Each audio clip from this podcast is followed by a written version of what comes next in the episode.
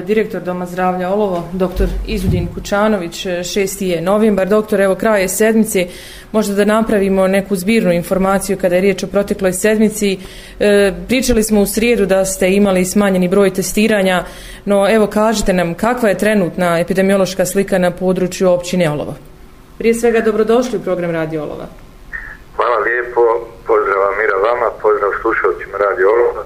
Proteklu sedmicu karakterizira nepovoljna epidemiološka situacija na teritoriji općine Olovo. E, na današnji dan mi imamo, evo, e, jutro smo imali 25 aktivnih pozitivnih, umeđu vremenu smo dobili informaciju da je još jedno od lica koji su testirani juči pozitivno, tako da je taj broj 26. Oporavljenih je do sada na teritoriji općine Olovo 88, od početka pandemije, nažalost, e, imali smo 8 smrtnih ishoda za koje imamo za koje imamo dokaze da je e, smrt prouzrokovana COVID infekcijom. E, u izolaciji se na današnji dan nalazi 75 lica, od čega je u izolatoriju 7. Trenutno, dakle, sedam naših sugrađana je u izolatoriju. Možete li nam kazati kakva je njihova trenutna slika? Vjerovatno možda nemate za svakog pojedinačno, ali eto, ukoliko naravno imate. Izolatorij prima isključivo pacijente koji su ovisni o kisiku. Dakle, to su lice sa teškom kliničkom slikom. Uh -huh. U redu. Dakle, ovisnost o kisiku, to je uh, srednje teška, ka teškoj kliničkoj slici je hospitalizirana u izolatoriju. Neki, neki od naših pacijenata koji su bili u izolatoriju su se na sreću uporavili, neki su nažalost preminuli, ali evo to je bolest kod koje, evo već govorimo to 8 mjeseci, ne možemo nikad znati kakav će ishod biti. Kod nekih ljudi postoji čudesan oporavak, nekih, nažalost, vrlo brzo završi sve smrtnim ishodom.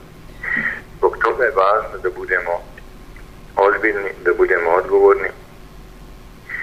Toga je važno da primjenjujemo sve mjere koje imaju efekta, a to je držanje distancije, nošenje zaštnih maski, nošenje rukavica. E, I ono što imamo kao problem posljednjih dana, o čemu sam ja u vašem programu govorio prije dva dana, jeste da nažalost ljudi obilaze komšije koji imaju temperature, koji su sumljivi na COVID infekciju, da ljudi nažalost idu u posjete nakon smrtnih ishoda koji se dese nažalost obilaze u kućane koji također mogu biti nosioci virusa i to je nešto što što zaista nije epidemiološki nikako opravdano.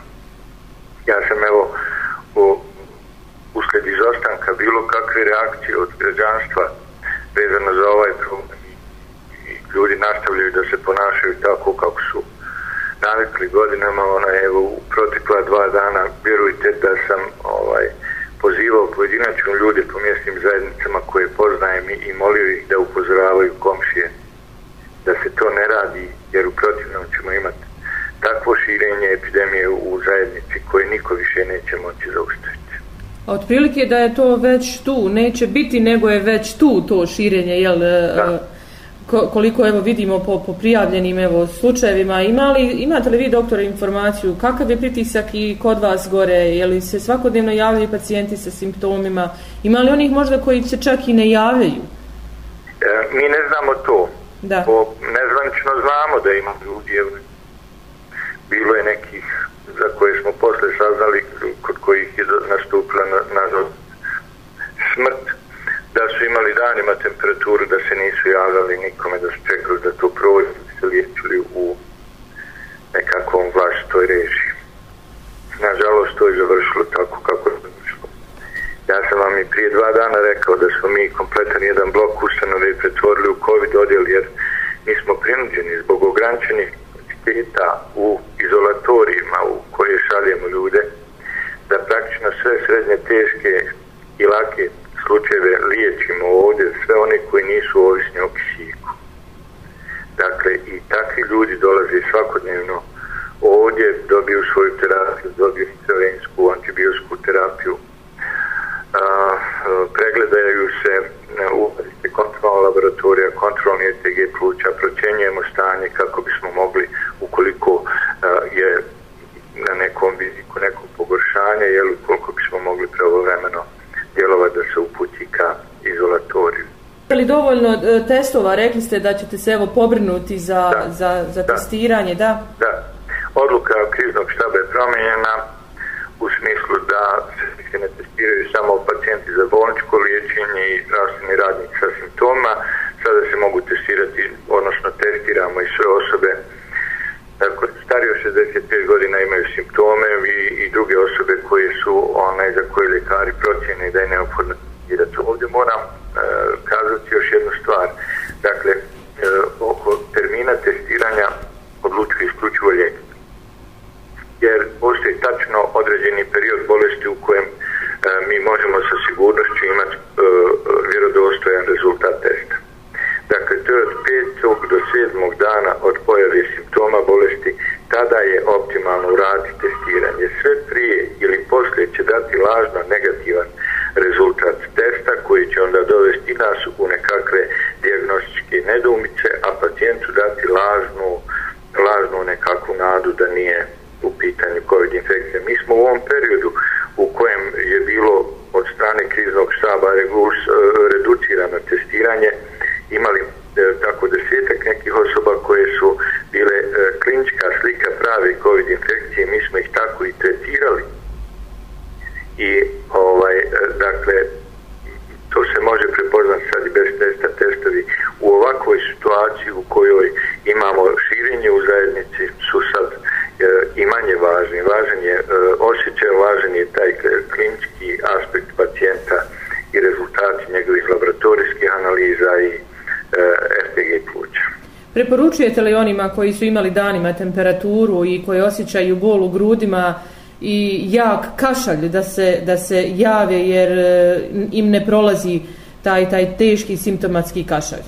Apsolutno i obavezno. Dakle, svi ljudi koji su imali e, koji su imali kontakt sa COVID pozitivnom osobom za koju se e, za koju su saznali da je COVID pozitivna ili osoba koja ima danima temperaturu, a imali su kontakt s njom, naravno trebaju se javiti na, na naše dežurne telefone, prijaviti simptome ukoliko imaju, e, dobit će stručni savjet od strane našeg medicinskog osoblja da li ima potrebe da se javljaju odmah ili da da onaj e, šta da uzmu od lijekova pa da se jave ona onda kad, kad se dogovori sa svojim ljekarom.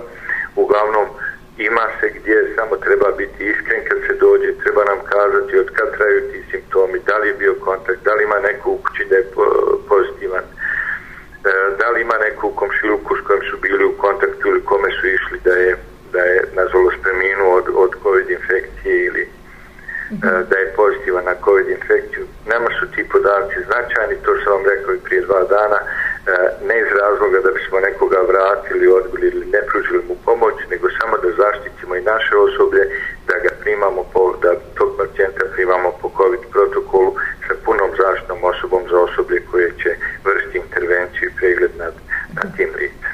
Ovo vas, doktore, pitam iz jednog praktičnog razloga. Imali smo dosta e, upita za savjet šta da rade. Ljudi koji su evo uposleni u nekim e, firmama E, idu na posao i pod temperaturom, e, često bolesni, e, izdaju li se rješenja o samoizolaciji, koliko se, kako doći evo do tog bolovanja?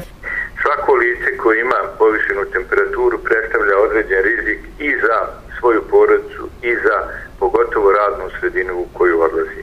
Moj savjet je znači da svako ko ima povišenu temperaturu da se telefonom javi ljekaru i bit ćemo otvoreno bolovanje. Time štitimo i život i zdravlje te osobe koja ima temperaturu i život i zdravlje e, ljudi s kojima on radi i sprečavamo prijenos bolesti ukoliko bude to ta bolest COVID ovaj, u, u preduzeću u kojem radi. Prema tome, e, ja to zaista ne mogu odobriti da neko sa povišenom temperaturom ide u, na posao da radi znači sa, sa drugim ljudima koji će također ako ima povišenu temperaturu on je nosilac virusa on prenosi virus dakle i na druge ljude s kojima dolazi u kontakt i onda se to tako i širi Da, da, dakle, nažalost. ko ima povišenu temperaturu i ko ima e, te simptome koje možemo povezati sa COVID infekcijom, javiti se telefonom svome ljekaru, dobit će detaljne instrukcije, bolovanje će biti otvoreno,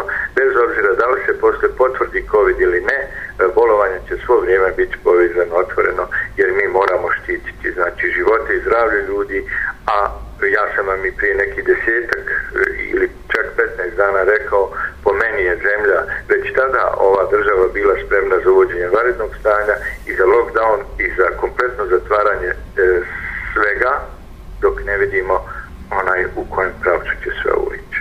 Pa mi ćemo izdržati sve dok ima jedan, mi ćemo biti tu i pružat ćemo pomoć. Znači, ja se nadam da, da nećemo doći u takvu situaciju.